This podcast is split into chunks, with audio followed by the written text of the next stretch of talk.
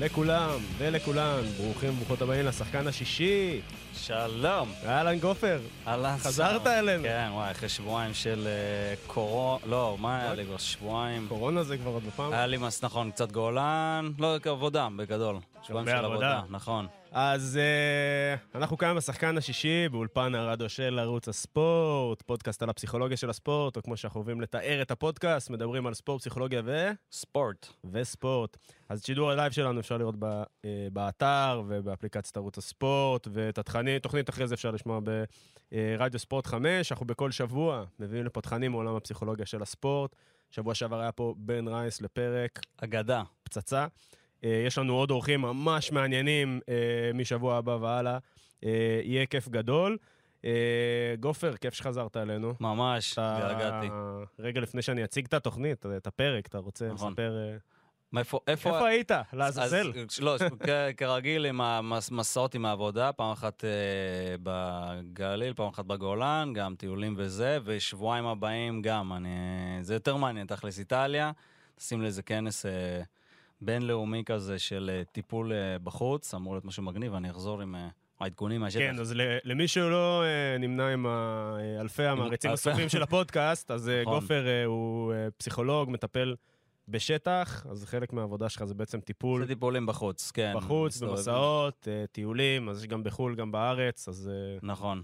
כיף גדול שחזרת. ממש התגעגעתי ועקבתי ומגניב לאללה. איזה כיף. אה, יופי, אז היום אנחנו הולכים לדבר על הכלים הפסיכולוגיים של ספורטאי העילית.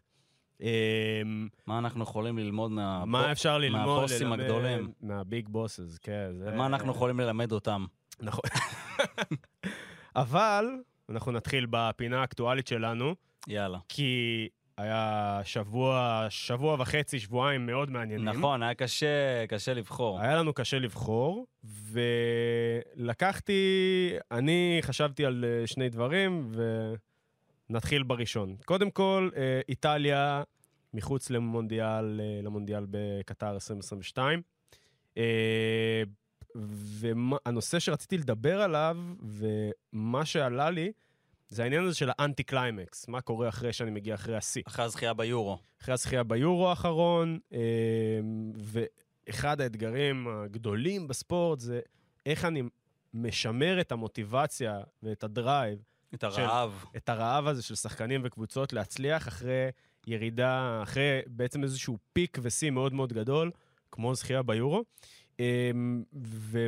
גם מה שקרה לאיטליה הוא די טרגי, כי הם הפסידו לצפון מקדוניה דקה 92, אחרי שהם שלטו אה, במשחק ללא... לחלוטין. לחלוטין, כן, 32 אה, בעיטות לשער, אה, אה, חמש מתוכן למסגרת. החזיקו אה, משהו כמו אה, 60 אה, ומשהו אחוז אה, אה, possession בכדור, אה, ובסוף חטפו גול דקה 92, שוב, צפון מקדוניה, כן? כן, לא איזה... הם... לא מאריות היבשת. הרג... הרגיש שהם אה, חסר את ה killer instinct, שהם כל הזמן, כמו שאתה אומר, מנטליטי כזה, שחסר מישהו שיבוא ויסגור את הסיפור. הם כל הזמן, כן. הם, הם, הם כאילו חשבו שאיכשהו בסוף זה יסתדר ו- ו- והם פשוט ינצחו את זה. הם לא באו להרוג. כן, אז זה... עכשיו, עצם זה שהם הגיעו למצב הזה, ושהם סיימו את הבית, שהם צריכים להגיע להצלבה, לגמרי. אה, זה משהו שהוא גם מעיד על איזשהו, על האנטי קליימקס, על ה... אה, אחרי ה peak הזה שהם היו בו. אה, ובעיניי יש פה איזשהו, כנראה הייתה איזושהי חוסר הכנה, מנצ'יני ימשיך בנבחרת, אבל כנראה שהייתה איזושהי חוסר התייחסות או הכנה לזה. יכול להיות שגם הייתה, אני לא יודע. אבל uh, זה רק מצביע לנו על כמה האתגר הזה של... דיברנו בפרק על, uh, על גוטס, על, בדיוק על העניין הזה, של מה מבדיל את ה... הטובים מהטובים ביותר. מאלה שמצליחים להישאר בשיא כל הזמן, לה, כל הזמן. להחזיק את המוטיבציה הבלתי מתפשרת הזאת, האובססיבית, הלא נגמרת הזאת, ללהצליח. אה, כי אחרת קשה מאוד לייצר את זה גם בקבוצות אחרי שהן מצליחות, אה, בטח בנבחרות, שאין לך את היכולת להשאיר אותן אה, באיזשהו רצף מסוים, ווואלה, אתה יודע, אחרי, המונ... אחרי היורו הם לא שיחקו כמה חודשים לרוב אחד את השני, לדעתי עד סביבות ספטמבר, סביבות אוקטובר, שהתחילו המוקדמות. זהו, אז זה איזשהו, זה הנושא הראשון. והדבר השני, שאתה ואני ככה התחלנו לדבר עליו אה, די הרבה, זה העניין, אה, אני מצאתי איזשהו דמיון בשתי המכבי תל אביביות בכדורגל וכדורסל, בכל מה שקשור לעמדת המאמן. אז במכבי תל אביב, אה, ון לובן פוטר בתחילת העונה, כדורגל. בכדורגל, ון לובן פוטר בתחילת העונה, ברק יצחקי החליף אותו לתקופה, אה, ואז הביאו את אה, קרסטייץ'. ומה שקרה זה שקרסטייץ' הגיע, ודי מהר, אחרי משהו כמו שלושה, שניים, שלושה משחקים, מכבי התחילה לייצר רצף ניצחונות, ופתאום, מכאילו, מעונה שנראתה שכבר הולכת לפח, מין חזרה למרוץ האליפות. אוקיי, והוא גם אמר את זה, שהביאו אותו כאילו כדי, כדי לא להידרדר, ופתאום עכשיו, בגלל שהם משחקים טוב, ומתבאסים עליו כשהוא לא במרוץ, כאילו שהוא לא באליפות. אז קרסטייץ' מונה ב-9 לדצמבר אה, 21. מאז, מכבי תל אביב עם תשעה ניצחונות, שלושה אה, תיקואים והפסד אחד. למכבי חיפה. למכבי חיפה, 3-2, ואחרי הרצף של השמונה ניצחונות האחרונים, שמונה או שבעה, אני... אל תתפסו אותי על המספר, אבל שמונה או שבעה ניצחונות האחרונים, שפתאום נראה הייפ נורא גדול סביב מכבי תל אביב, פתאום הגיעו איזה קולות, קולות, אחר, כאילו, קולות אחרים של אולי הוא לא מספיק טוב, ועונה הבאה נביא מאמן זה, זה, זה. וכאילו, אתה יודע, אנחנו מדברים על זה ואומרים, איך, איך, איך אנחנו מתהפכים כל כך מהר. אז רגע לפני שאני אתן את הפרשנות שלי לזה, נשים מהצד השני את אבי אבן. אבי אבן גם אה, החליף את ספורופולוס במכבי תל אביב אה, לפני אה, שלושה חודשים איש, נכון? משהו כזה. אה, בפברואר. בפברואר, וואו, אז הרבה פחות, מרגיש יותר. אני חושב, אם אני לא טועה, בפברואר, כן. ינואר, פברואר, אוקיי. אה, לפני חודשיים החליף את אה, ספורופולוס במכבי תל אביב, אה, ומאז הוא עם 6-1 בליגה, אה, חמש, שש, שש ניצחונות בליגה והפסד אחד, חמש ניצחונות ושתי, אה, ושני הפסדים ביורוליג, וגם פתאום כזה, האם מכבי תל אביב מסוגלת? פתאום הם מדברים פיינל פור, פתאום כאילו. מדברים Final Four, מדברים- אני שם בצד את הדיון של מה היה קורה אם הרוסיות היו נשארות, וזה לא משנה, עדיין מכבי תל אביב מצליחה בצורה אה, פנומנלית ביחס ל... ומנצחת למה שציפו. ומנצחת קבוצות גדולות גם ביורוליג. זהו. עזוב אה, רוסיות לא רוסיות, מנצחת מילאנו, מנצ... מנצחת קבוצות גדולות. כן, כן. מנצחת את ריאל. אה, ויש פה, ואני רואה כאילו איזה קווי דמיון די אה, מקבילים לשני מאמנים שהגיעו באמצע העונה, אמנם אבי אבן הגיע, אה, לא מינו אותו כמאמן מבחוץ, אלא מתוך הקבוצה, יש פה כמה דברים שונים. זה לא פעם ראשונה שהוא עושה את זה. זה לא. פעם ראשונה, כן. ו... אבל ה... אני שומע הרבה שיח סביב מה עם מכבי תל אביב, ולאן זה הולך, והאם הם באמת מסוגלים, ודאבל, טראבל זה. אה, טראבל הם לא יכולים רק, דאבל. אה, ואנחנו... ומה שאני רוצה להגיד זה שהרבה פעמים, ב... כשיש בקבוצות איזשהו משבר, ומגיע מישהו בזמן המשבר הזה, אה, ובעצם מייצר איזושהי תקווה, או איזושהי חשיבה חיובית לגבי מה הולך לקרות בעתיד, יש נטייה להתעלם מהבעיות שהובילו את הקבוצה למשבר, והבעיות האלה קיימות גם במכבי. תל אביב, בעיות מקצועיות, גם במכבי תל אביב כדורגל, גם במכבי תל אביב כדורסל. אה, בשיחה, אה, גם שאנחנו דיברנו, גם בשיחה שרועי הבלוטשניק התארח פה אה, לפני שני פרקים, דיברנו על זה שהבסיס להכל הוא מקצועי. ובמכבי תל אביב, גם בכדורגל וגם בכדורסל, יש לא מעט בעיות מקצועיות. ואני רק אומר שאני צופה את זה שברצף הפסדים הבא של אבי אבן, פתאום ה- ה- ה- פתאום זה יקפוץ. התקליט הזה יתהפך כמו שהוא התהפך מול קסטייץ'. זה משהו שמאוד אה, דבר מאוד ראשון, ממשיך. זה, זה מגניב לראות כמה המוטיבציה משחקת פה תפקיד, או ה mindset. כאילו, הם כן עשו שינויים מקצועיים קצת, אני יודע, אבי אבן טיפה, כאילו, עושה דברים אה, קצת אחרת מ- מספרופולוס, אבל כמה כבר מקצועית אתה יכול לשנות באמצע העונה, נכון. ו- ופתאום איך הם מתהפכים. כאילו, פה זה די ברור שיש פה המון המון המון עניין של, אה, של אנרגיות של הקבוצה, ורואים אותם שמחים וביחד, וכמה כמה, כמה זה משפיע, זה, זה מטורף לראות. אה, דיברנו על זה קצת, אני מאוד לא אוהב את הטווח קצר הזה שהם עשו. כאילו, זהו, אז אה, פה אנחנו נכנסנו לדיון לגבי מכבי תל אביב כדורסל. אה, אתה אומר שההחלטה להכניס את אבי אבן... אני חושב שזה, אם, אם, אם מחליטים אה, להיפרד מספירופולוס, וזה לא היה תוך יום, זה לא שהוא פעם אחת הפסיד, בום, העיפו, אין ברירה, חייבים להיפטר בזה. זה היה, של אה, זה היה כמה חודשים. כמה חודשים שראו שזה פשוט לא עובד, ועוד הזדמנות, ויאללה, אולי נסיים את העונה ואין לנו משהו אחר טוב בשוק, ומאוד הפסדות רואים שהם פשוט עובדים רע. יאללה, הולכים להחליף. אם אנחנו אומרים שאנחנו מחליפים עכשיו, אז, בוא, אז בואו נחשוב שנייה ו, ו, ונחשוב ארוך. אין לי בעיה עם אבי אבן. זה, מבחינתי זה כמו אה, באיזשהו מקום צ'אבי בברצלונה, כזה, כן. עם כל הזהירות, זה מיש- איש מועדון, אין לו הרבה ניסיון בתור, אה, בתור מאמן. מאמן בכיר. בואו נ, נ, נגיד. נגיד שזה הפתרון שאנחנו הולכים עליו, ואנחנו הולכים עכשיו על אבי אבן ארבע שנים קדימה, ואנחנו בונים קבוצה, ואנחנו לא נמדוד אותו לא השנה ולא שנה הבאה, אנחנו רוצים שהוא יהיה המאמן של הפרויקט עכשיו, שנקרא מכבי תל אביב, ואנחנו חושבים באמת ארבע שנים קדימה.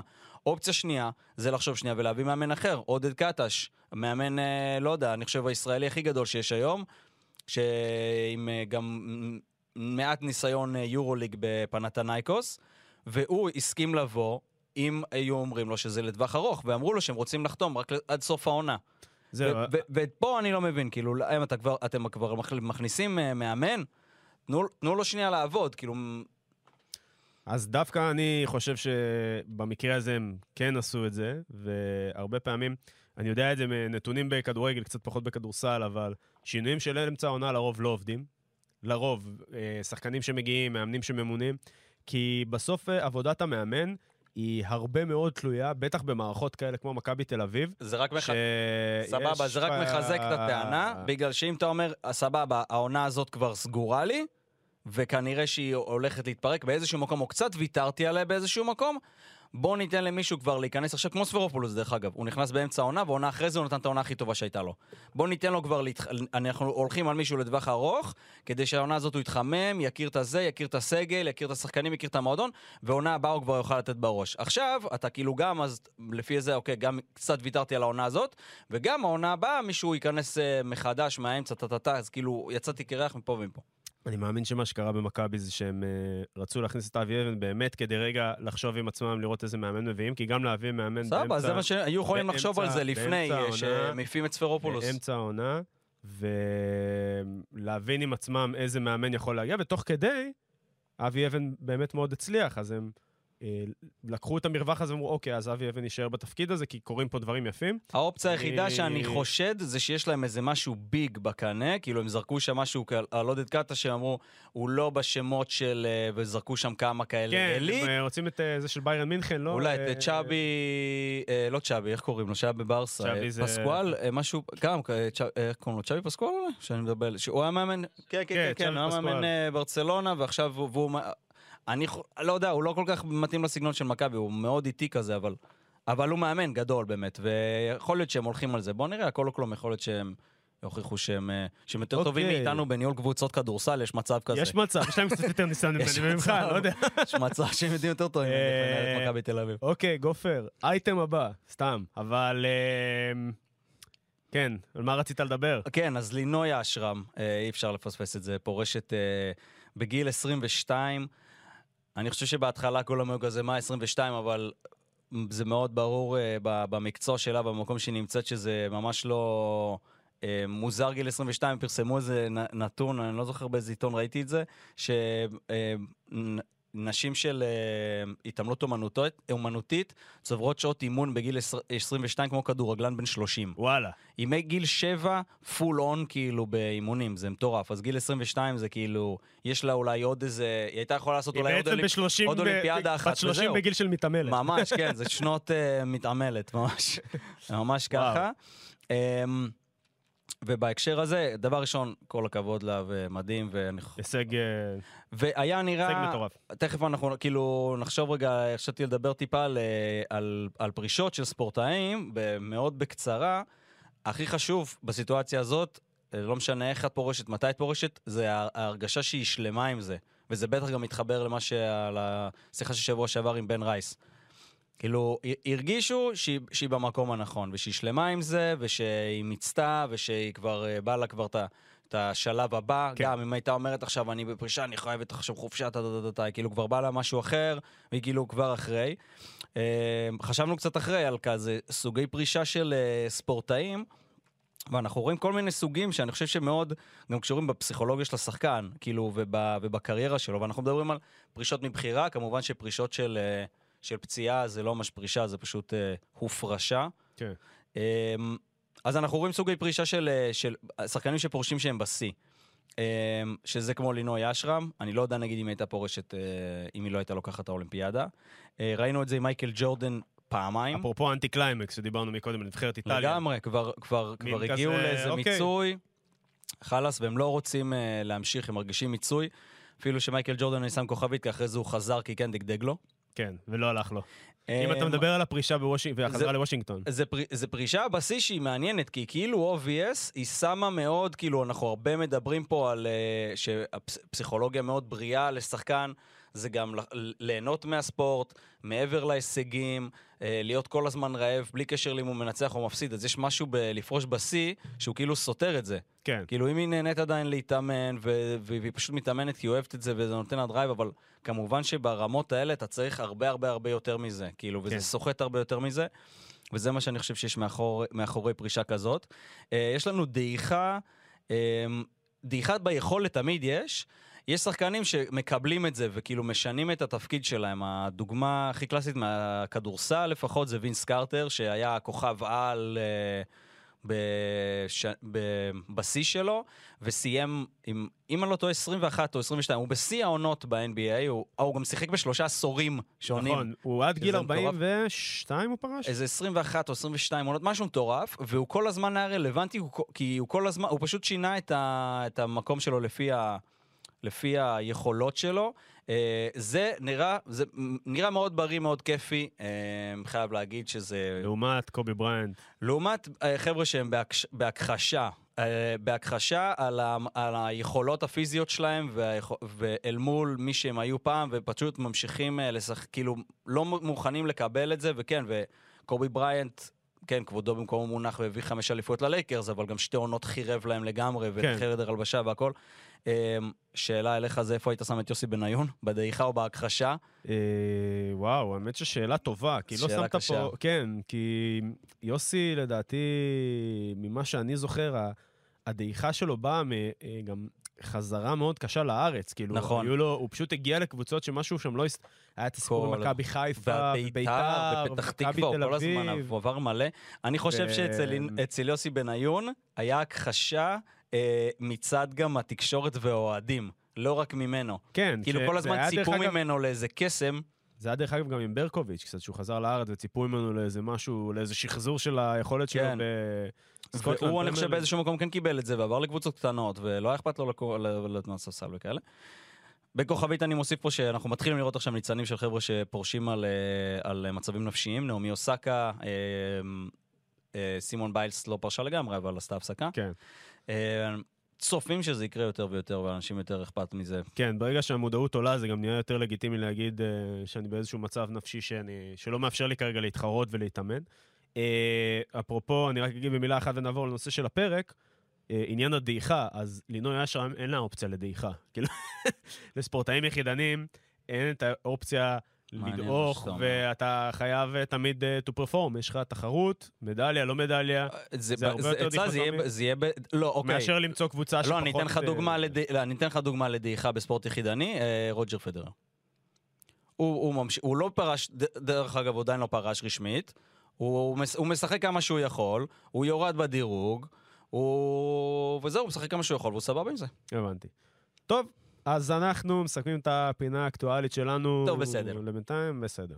אמ, יאללה, נושא הפרק של היום, אה, כלים פסיכולוגיים של ספורטאי, ספורטאיות העילית. אמ, אז אנחנו חשבנו להביא לכם את ה...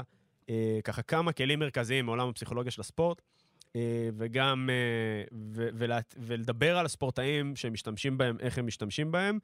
אה, והסיבה היא שגם אני מהמקום שלי, בעבודה שלי עם ספורטאים, אה, הרבה פעמים מלמד את הכלים האלה, והקונטקסט שלהם הוא, זאת אומרת, ההקשר טיפה אה, מוזר. כאילו, אני אומר לספורטאי פתאום, תעצום את העיניים ותעשה הדמיה, כאילו כזה, אה, מה, אוקיי, תן מה... לזרוק את הכדור, כן. כן, איך זה עובד? אבל אז אני אומר לו, שומע? לברון ג'יימס עושה ויזואליזציה. בוא נתרגל את זה, כדאי לך. אחי, אתה זה פתאום, הוא. ספונסר, אתה יודע, הוא כזה הפרזנטור של ה- של פרזנטור, הכלי. אתה נשמע כמו דילר של ילדים בכיתה ו'. אחי, אז- כדאי לך, כן. פעם ראשונה, כולם עושים את זה, סטף קרי עושה את זה, לברון ג'יימס עושה את זה. אז אה, כן. תעצום עיניים רגע ותירגע. אז הרבה פעמים זה מרגיש קצת תלוש. אה, וחשבנו לספר לכם מאחורי הקלעים אה, איך ספורטאים והספורטאיות הגדולים ביותר משתמשים באותם כלים, גם נפרט טיפה איך הם באמת עוזרים להם ומה המכניזם. אה, גופר גם ייתן את, הפן הפסיכולוגי, אה, קצת יותר אה, CBT, ואיך הכלי הזה באמת עובד יותר מבחינה פסיכולוגית.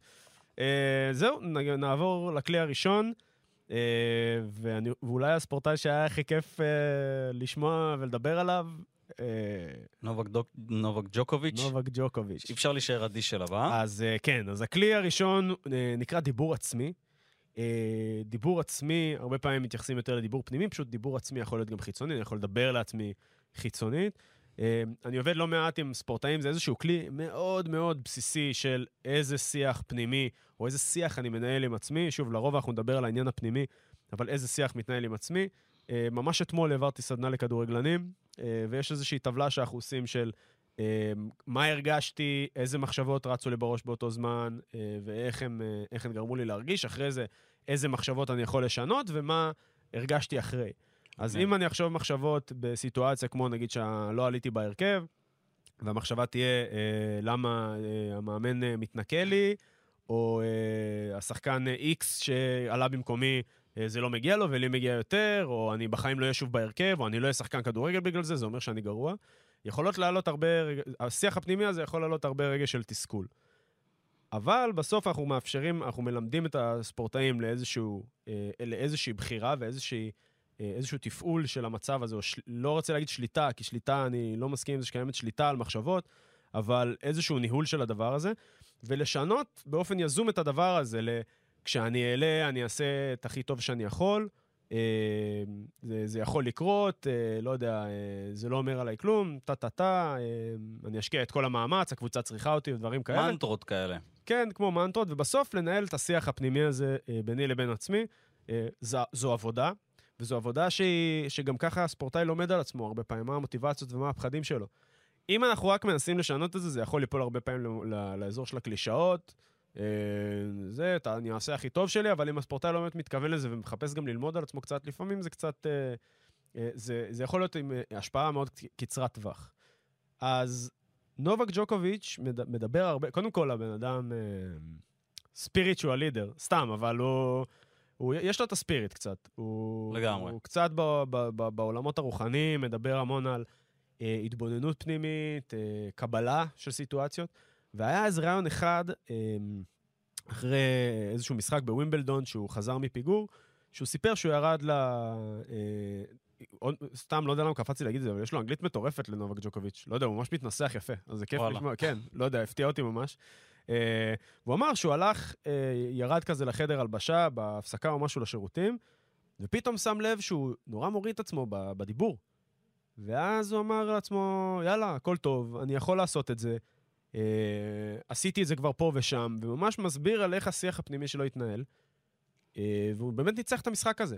הוא אמר, לא הבנתי כמה אני מוריד לעצמי את המוטיבציה בזה שאני בעצם באיזשהו סחרור אה, שלילי עם עצמי, אה, ופתאום הדבר הזה, הוא, פתח לו את ה... הוא הזכיר לעצמו, אוקיי, אני מדהים. נובק ג'וקוביץ', אני זה, ואני צריך להיות, I need to be present, ככה הוא אומר, צריך להיות פשוט נוכח, לדבר על עצמי, to talk positive. ו... זה רמת מודעות סופר גבוהה, אני חושב, להיות, להיות מודע לזה ולאיך זה משפיע על עצמך, בטח שתוך כדי משחק, ובטח שכולנו באיזושהי רמה עושים את זה. נכון, וזה הרבה פעמים הדבר הזה נראה כחלק אינטגרלי מה, מהחוויה שלי, אבל בפועל, אה, אנחנו, כאילו בסוף, אתה, אה, אפשר לשנות את זה, זה לא אומר להעלים את זה, אבל האינטנשן, הכוונה שלי, או היחס שלי לזה יכול להשתנות, ובזה לשנות את המוטיבציה. כן, אז אני חושב ש...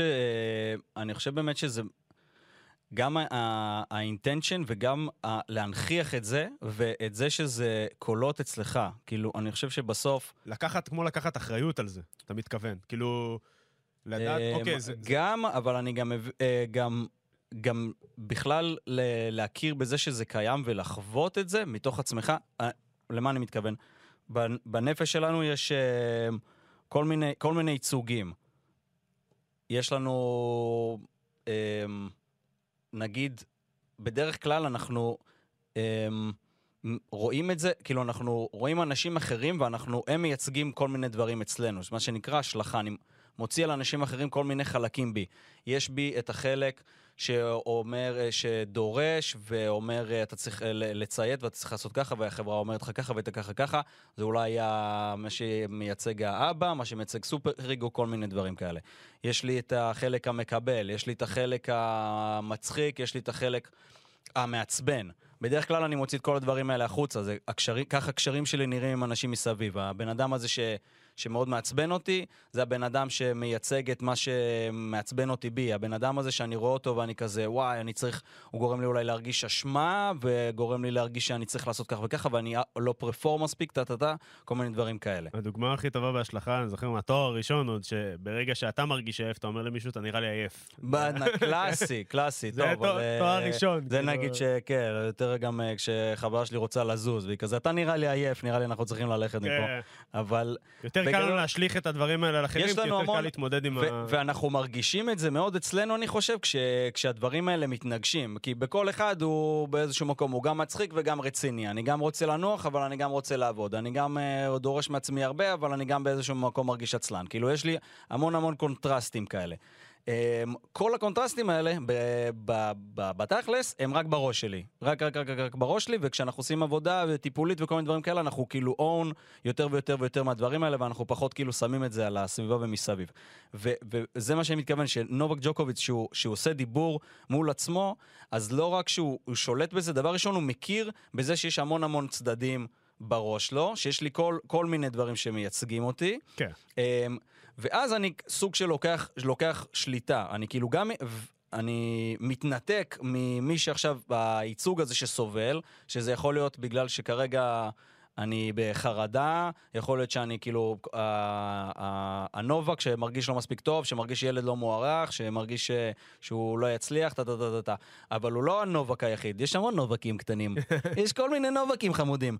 ועכשיו אני רוצה גם להתחבר בעצמי, אני לא צריך עכשיו את אבא שלי שם, אני לא צריך אה, איזה חבר שם שמר... שגורם לי להרגיש טוב עם עצמי. אני בעצמי עכשיו תופס את המקום של נובק המחזק.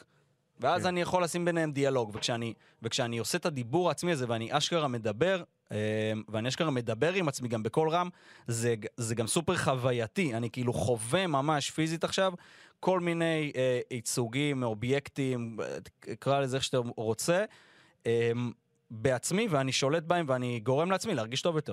זהו, אז אני חושב על, uh, פתאום קפץ לי יונג, האור והצל, אז... Uh, זה לגמרי, יונג... אז שנובק ג'וקוביץ' הוא ב-A גיים שלו ופרפורמינג ומשחק טוב, אז הוא, הוא גם כנראה מקבל את עצמו ככזה, כי זה העצמי שהוא באור שלו, השחקן כדור... אה, השחקן, באתי להגיד כדורסל. השחקן טניס הטוב. אה, מחבט מספר אחת בעולם. זה יהיה הפרסונה שלו, נגיד, ביום. כן, ובצל, זה הדברים שהוא פחות מקבל בעצמו. עכשיו, העובדה שנובק ג'וקוביץ' אה, מאוד... אה, אה, מתבונן, מאוד, אה, אה מאוד אוהב את העניין הרוחני, וה, אה, עושה הרבה מדיטציות ומאוד אה, סקרן לגבי הדבר הזה, ומחפש הרבה מאוד צדדים עצמי כאלה לקבל כן. בעצמו, בתוכו.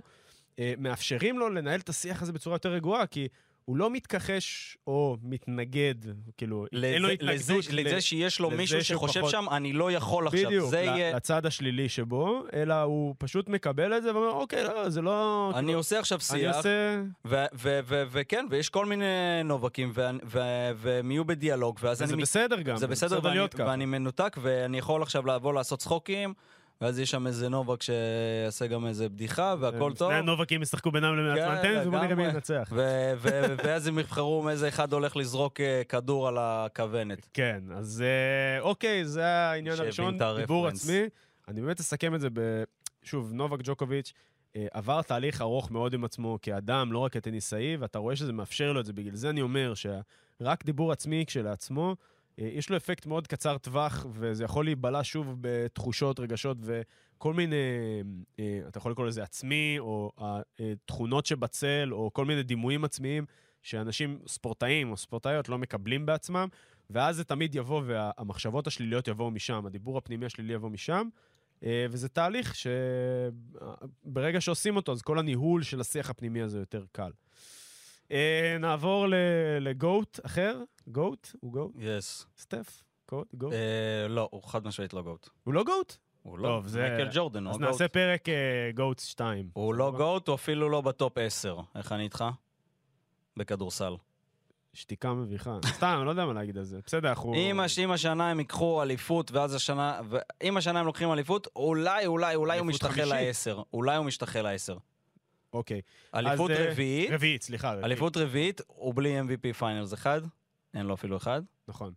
אמ, הוא לא GOAT, הוא לא ב top 10 לפי דעתי גם, אבל בסדר. אוקיי, בסדר. אה, טוב, אז אה, סטף קרי, מקסימום כבשה. סטף קרי ב-2016, בגמר נגד לברון, היה לו שם אה, איזשהו סחרור עם עצמו. אני אזכיר למי שלא זוכר או ראה. אה, 50 שניות לסיום, קיירי ארווינג דופק לסטף קרי שלושה על הפנים, משחק מספר 7.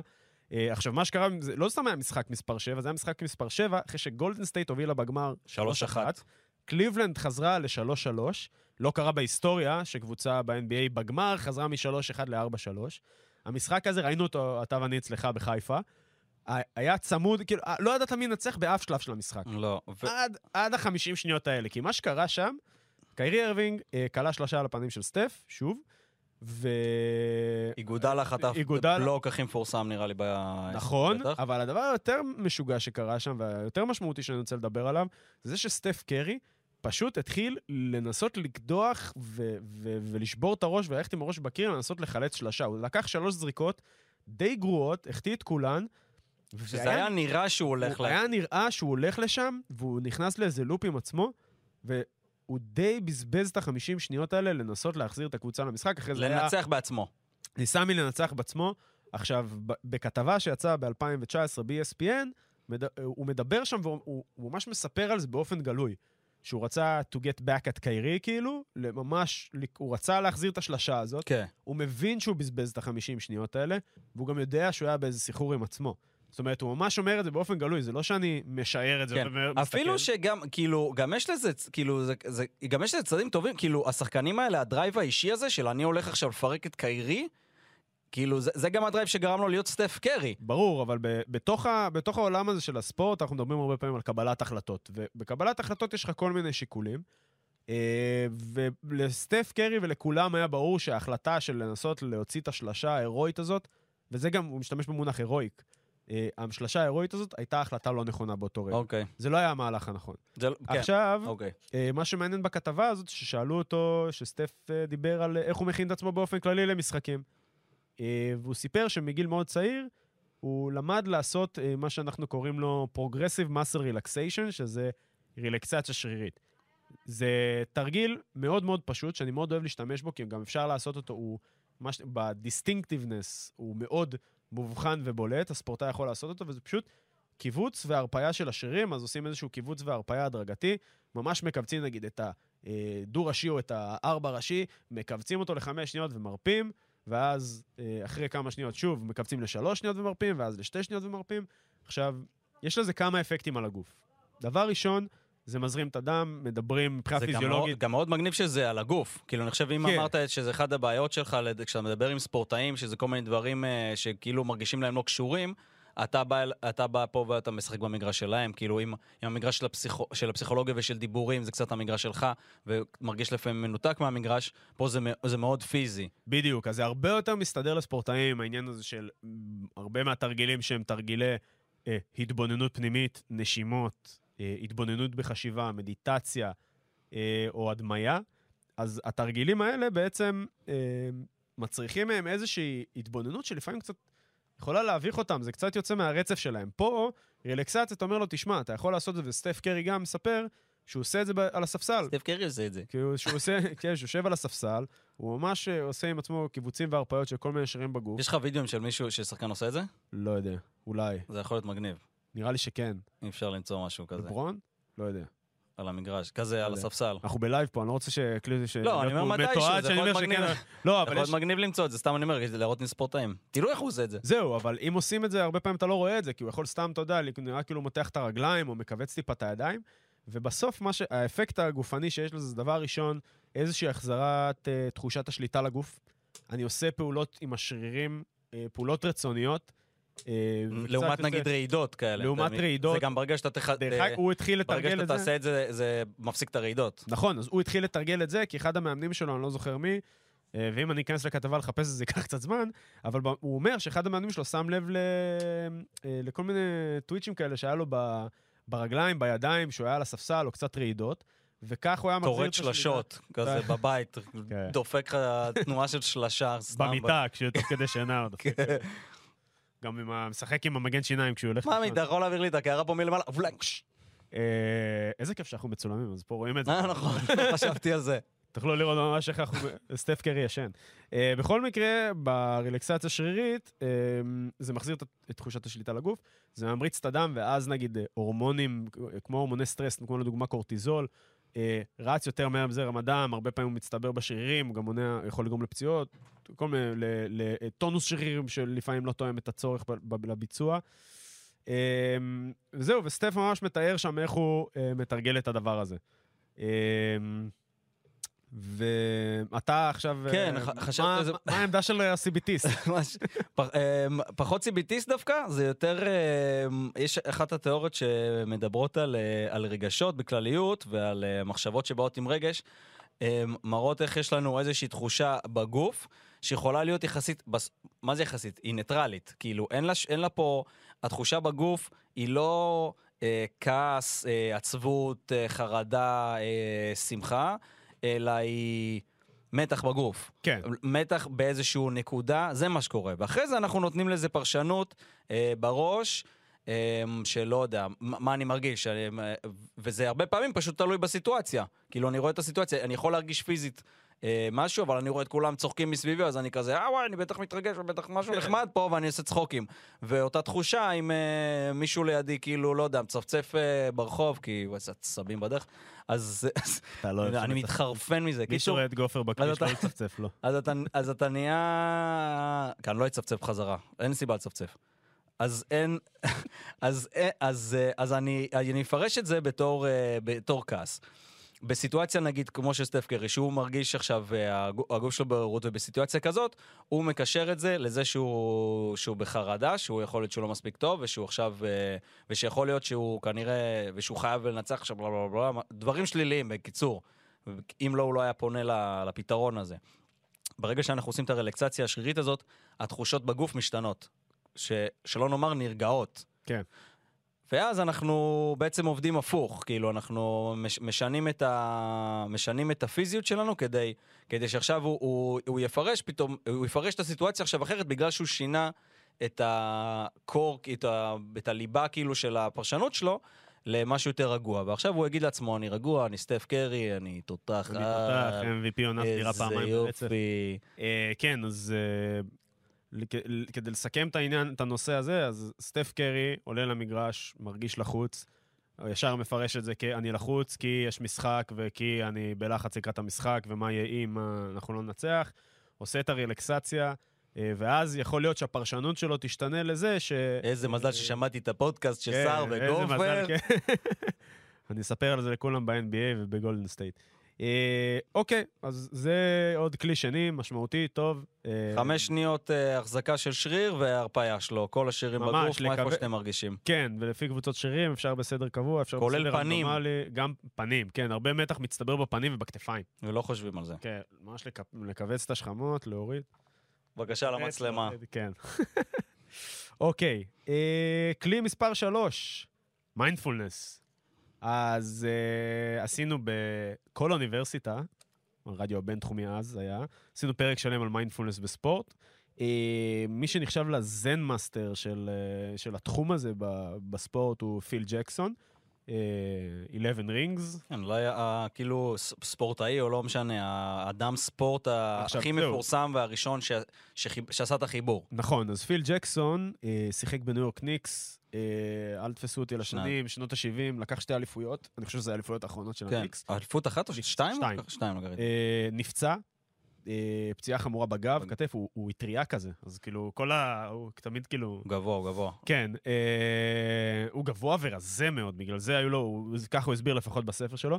אה, וככה, אחרי תסכול, הוא גם פרש בגיל לדעתי די מוקדם, הוא בדרך מסוימת הגיע לכל העולם של הזן והמיינדפולנס. אה, עכשיו, מיינדפולנס בהגדרה שלו זה שיטת אה, תרגול למיקוד קשב, אה, מגיעה מהמסורת הבודהיסטית, והיא מתמקדת בפיתוח של מודעות קשובה ומקבלת של הרגע הנוכחי. עכשיו, מה שבכוונה או בגישה הזאת, מה שנורא שונה, זה שהרבה פעמים בספורט אנחנו מנסים לחפש שליטה ולייצר שליטה, אז כמו נגיד הדיבור העצמי או הרלקסציה השרירית, ובמיינדפולנס הגישה היא אחרת, היא יותר עניין של acceptance, קבלה, לקבל את מה שקורה. נובק ג'וקוביץ', דווקא בדיבור העצמי, הוא התחיל בזה שהוא אמר, אני צריך לקבל את מה שקורה ב present moment. לגמרי. אז לפני שאני מתחיל לנהל את השיח הזה עם עצמי, אני הייתי צריך לקבל את הסיטואציה. זה בנקודה הזאת, אני דווקא, זה מאוד מתחבר אל הדיבור עצמי, כי זה יוצר את הניתוק הזה. כן. אז בסוף זה משחרר הרבה מתח, כי בסוף מה שקורה לנו אה, במשחקי, לא רק בספורט, אלא גם אה, בחיים, הרבה סיטואציות שבהן יש איזשהו מאמץ לנסות להסתדר, שהכל יסתדר, שהכל ילך כמו שאני רוצה. ודיברנו על זה גם קצת בפרק הקודם עם בן רייס, שהוא אמר שהוא הרגיש הקלה נורא גדולה אחרי הפציעה השלישית, שהוא הבין שזהו. אז פף, משהו משתחרר, כי אני לא צריך להחזיק את ה-image הזה יותר בראש של מה יהיה אם, ומה... כי אין, זהו, נגמר.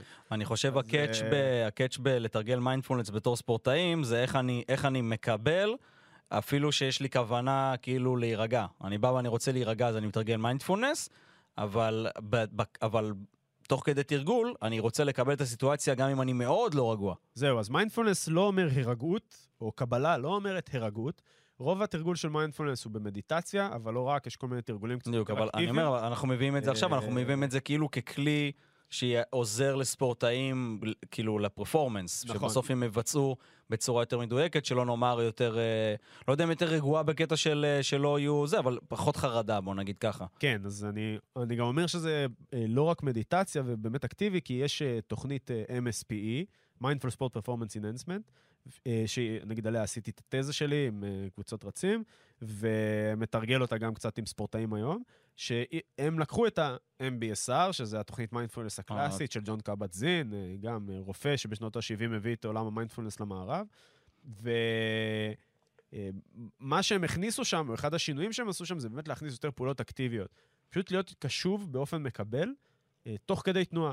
ולהיות קשוב, נגיד, בתוכנית שהם עשו בסאוטהמפטון, במחקר שעשו על מחלקת הנוער בסאוטהמפטון, גילאי 16, אז אמרו להם, אוקיי, בואו נהיה קשובים עכשיו, אנחנו רוצים שתמקדו את הקשב שלכם בפרזנט מומנט, ונתנו להם לעשות רונדו של מסירות עם כדור, אה, ופשוט ת, ת, תהיו קשובים לדברים שאתם בדרך כלל לא שמים לב אליהם. למגע של הכדור עם הרגל שהוא מגיע, ל, ל, למיקוד המבט, אה, אה, לא יודע, לתחושות הגופניות, איך החולצה מרגישה לי על הגוף. את זה היית מייחס יותר, אז כאילו שהאפקט החיובי של זה יהיה בגלל שהם קצת יוצאים מהראש של, כאילו זה יציאה מהראש. כן. לגמרי אני כאילו בלופים בראש, במחשבות, ואז אני מקבל אותם, אני לא מנסה להשפיע עליהם, אבל אני מנסה לשנות את המיקוד של הכסף שלי ל... אני מנסה למצוא דרכים למקד את הקשב בפרזנט מומנט. כן. אז אם זה דרך ה... חושים, אה, כל הקינסתטיקה, מגע, אינטרוספקציה. שבתכל'ס זה, כש, שזה הדבר היחיד שקורה עכשיו. כאילו, מחשבות בסוף הן לא קשורות לעכשיו. נכון. ובגלל זה, כל, כל דבר שאנחנו נחבר לפיזיות, אנחנו מחברים לרגע עכשיו. זהו. אז, אה, אז יש פה אתגר גם עם ספורטאים, להושיב אותם למדיטציה, אה, והתרגול הזה, בסוף, האפקט של זה הוא, הוא מטורף, גם מבחינת מחקרים. אה, עולם המחקר כאילו עף על מיינדפולנס עכשיו. פוצץ עכשיו מיינדפולנס, כן. ממש, ממש, ממש. אה, אני גם קצת מסייג את זה, כי לדעתי מייחסים לזה, יש כאילו קצת יותר מדי הייפ, אבל כי זה בהייפ עכשיו. באופן אישי, גם אה, מהתרגול שלי ומהדברים שאני מתעסק איתם, יש איזה באמת פוטנציאל, פוטנציאל מטורף. זהו, כלי אחרון, לפני שנחשוף פה אה, עובדת זהב מעניינת על, על כלי זה. אה, ויזואליזציה, הדמיה, כל מה שקשור לייצוג אה, אה, ייצוג מנטלי. אה, אז גם לברון ג'יימס וקונור מקרגור עושים ויזואליזציה של, של משחקים או קרבות, במקרה של קונור מקרגור. אז ויזואליזציה היא בעצם איזשהו, זה שימוש בזיכרון דרך הדמיון, בעצם לדמיין כל מיני סצנריואים של מה הולך לקרות על המגרש. ומה שהספורטאים לומדים באמצעות זה, זה מה שבאנגלית נקרא anticipation, אה, חיזוי? כן. כן, חיזוי, כן. זה היכולת לצפות, או צפייה, כן, היכולת לצפות מה הולך לקרות. לברון ג'יימס, כתבתי על זה פוסט אה, לפני איזה שנה ב... בפייסבוק, אה, לברון ג'יימס, גם יש לו יכולת זיכרון פנומנלית. הוא בעצם יודע להשתמש בזיכרון שיש לו, ל... יש לו big data של טריליארד, לא יודע, מהלכים בראש מאז שהוא משחק כדורסל, וגם ברמות ובקצב מאוד מאוד גבוה, והוא יודע להשתמש בידע הזה כדי להכין את עצמו למשחקים. הוא ממש עושה, יושב עם עיניים עצומות ומדמיין, מריץ עצמו שעות תרחישים בראש של מה הולך להיות אם, וממש, אה, יש כל מיני סוגים של הדמיה וויזואליזציה, אה, גם אה, קצת אה, מוטיבציוני, גם אה, לאמן אותי על איזשהו... אה, טכנ... על איזושהי טכניקה מסוימת, כן. כן. או מקרים ותגובות. אה, קונור מקרגור, נגיד, המאמן שלו, יש סרטון, לזה יש לי סרטון ביוטיוב. של המאמן של קונור מקרגור, שמספר על זה שהוא היה עושה שעות, הוא עושה שעות ויזואליזציה לפני כל. קרב. זה מטורף. והוא אומר, כן, ומה שקורה בסוף זה שכשהוא בא ועומד מול המתחרה שלו בזירה, אז uh, המתחרה מגיע לשם פעם ראשונה, וקונור היה שם כבר שעות לפני זה. ו... וזה בא... לא- לא עבד לו היה בקרבות האחרונים, אבל היה- סבבה. כן, באחרונים כבר לא. היה את הזה שנשברה לו הרגל, וואי, מזעזע. אמ, כאילו אבל היה קרב אחד שהוא אמר בדיוק מה הוא הולך לעשות. הוא הריץ לעצמו ושינן את זה בראש, הוא עשה את זה בדיוק. אותו דבר, אחד לאחד, גם בתוך כמה שניות. כן, הבעיה היא, הס- הסיכון פה זה מה, אתה כאילו בא כל כך אה, בטוח על, אה, על משהו אחד, והיריב, יש, אה, יש משפט אדיר של, איך קוראים לו עם הקעקוע על הפנים המתאגרף? מייק טייסון. מייק טייסון. יש לו משפט גדול, לכל אחד אה, יש תוכנית, עד שבא מישהו ונותן לך אגרוף, עד- לכולם יש תוכנית עד שהם חוטפים אגרוף לפנים. אז זה נכון, אבל בסוף, שוב, אנחנו עושים, את הדבר הזה עושים גם כדי לאמן את המוח, להשתמש בזיכרון. נכון. בסוף, חלק ניכר מהאימון זה צבירה של זיכרונות, אנחנו כאילו לא מדברים על זה. יש זיכרון אה, אה, פונקציונלי ודקלרטיבי, אז אנחנו עובדים מאוד על הזיכרון הפונקציונלי, של מה אני עושה, צריך להשתמש בשני סוגי הזיכרון האלה, כדי להפחית את החוסר ודאות, זה לא אומר שאם אני אעשה ויזואליזציה... לגמרי, זה אני- גם, זה גם מפחית את החוסר ודאות וזה גם גורם ל- לעבודה האוטומטית שלי כאילו להיות הרבה יותר טובה. כאילו אם באיזשהו מקום אני נכון. עושה הרבה דברים רפטטיביים, אז יש פה זיכרון שריר, ששריר כבר עובד בלי לחשוב כי הוא עשה את זה אלף פעם, אבל גם ברמה המוחית יש לנו קשרים נוירונליים במוח. אה, זה נקרא גם באיזשהו מקום אימון אה, נוירוני, אני חושב, אני ראיתי את זה איפשהו. יכול להיות. שאנחנו כאילו, כן, עוברים על על, זה, אותה, על אותה פעילות, אנחנו עוברים, עכשיו בסוף שאנחנו אה, ברמה המוחית, אם אני עושה את זה, אם אני עושה את זה פיזית, כאילו עובד, עובד גם השרירים, אבל אם אני מדמיין את זה, הקשרים במוח עובדים פחות או יותר באותה צורה, וכשאני אומר קשרים במוח, אני אומר שאם זו פעולה חדשה, נוצרים קשרים חדשים, ואם זו אותה פעולה, אז הקשרים האלה מתחזקים. כן. וברגע אז, שאני אה, מייצר את אותה פעולה עוד פעם ועוד פעם ועוד פעם רפטטיבי במוח, אז גם העבודה האוטומטית של המוח שלי תעבוד יותר טוב, ואני אוציא על זה פחות אנרגיה, וגם אני אוכל להפנות את הקשב שלי לדברים אחרים, תוך זה- כדי המשחק. זהו, אז אנחנו... אה, זה גם מגובה במחקרי מוח שמראים שהאזורים המוחיים גדלים, אזורים מוטוריים אה, ויזואליים במוח אה, גדלים תוך כדי, באמצעות התרגול. ויזואליזציה, ויזואליזציה והדמיה. עובדה מעניינת לסיום, אנחנו כבר ממש בסוף. ונוס וויליאמס, שבדקתי איך היא מתכוננת לתחרויות ואיך היא טיפה מקלילה כשצריך ככה להפיג קצת מתח. היא מספרת שהיא טסה בעולם עם מיקרופון, ערכת קריוקי, זה גדול. אה, ושרה שירים בחדר, וזה משחרר אותה, וכיף לה. היא וסטף עושים ביחד אה, סטף קריוקי. סטף קריוקי, סטף קריוקי. יפה. אה, טוב, אז הגענו לסוף. נגיד רק שאתם מוזמנים ומוזמנות להאזין גם לפודקאסטים נוספים בספורט 5 רדיו. היום הקליטו פה פרק של פיק אנד רול, ממש אותם לפנינו. ראינו את ג'ובו ו- ועודד ועודד אלפרין.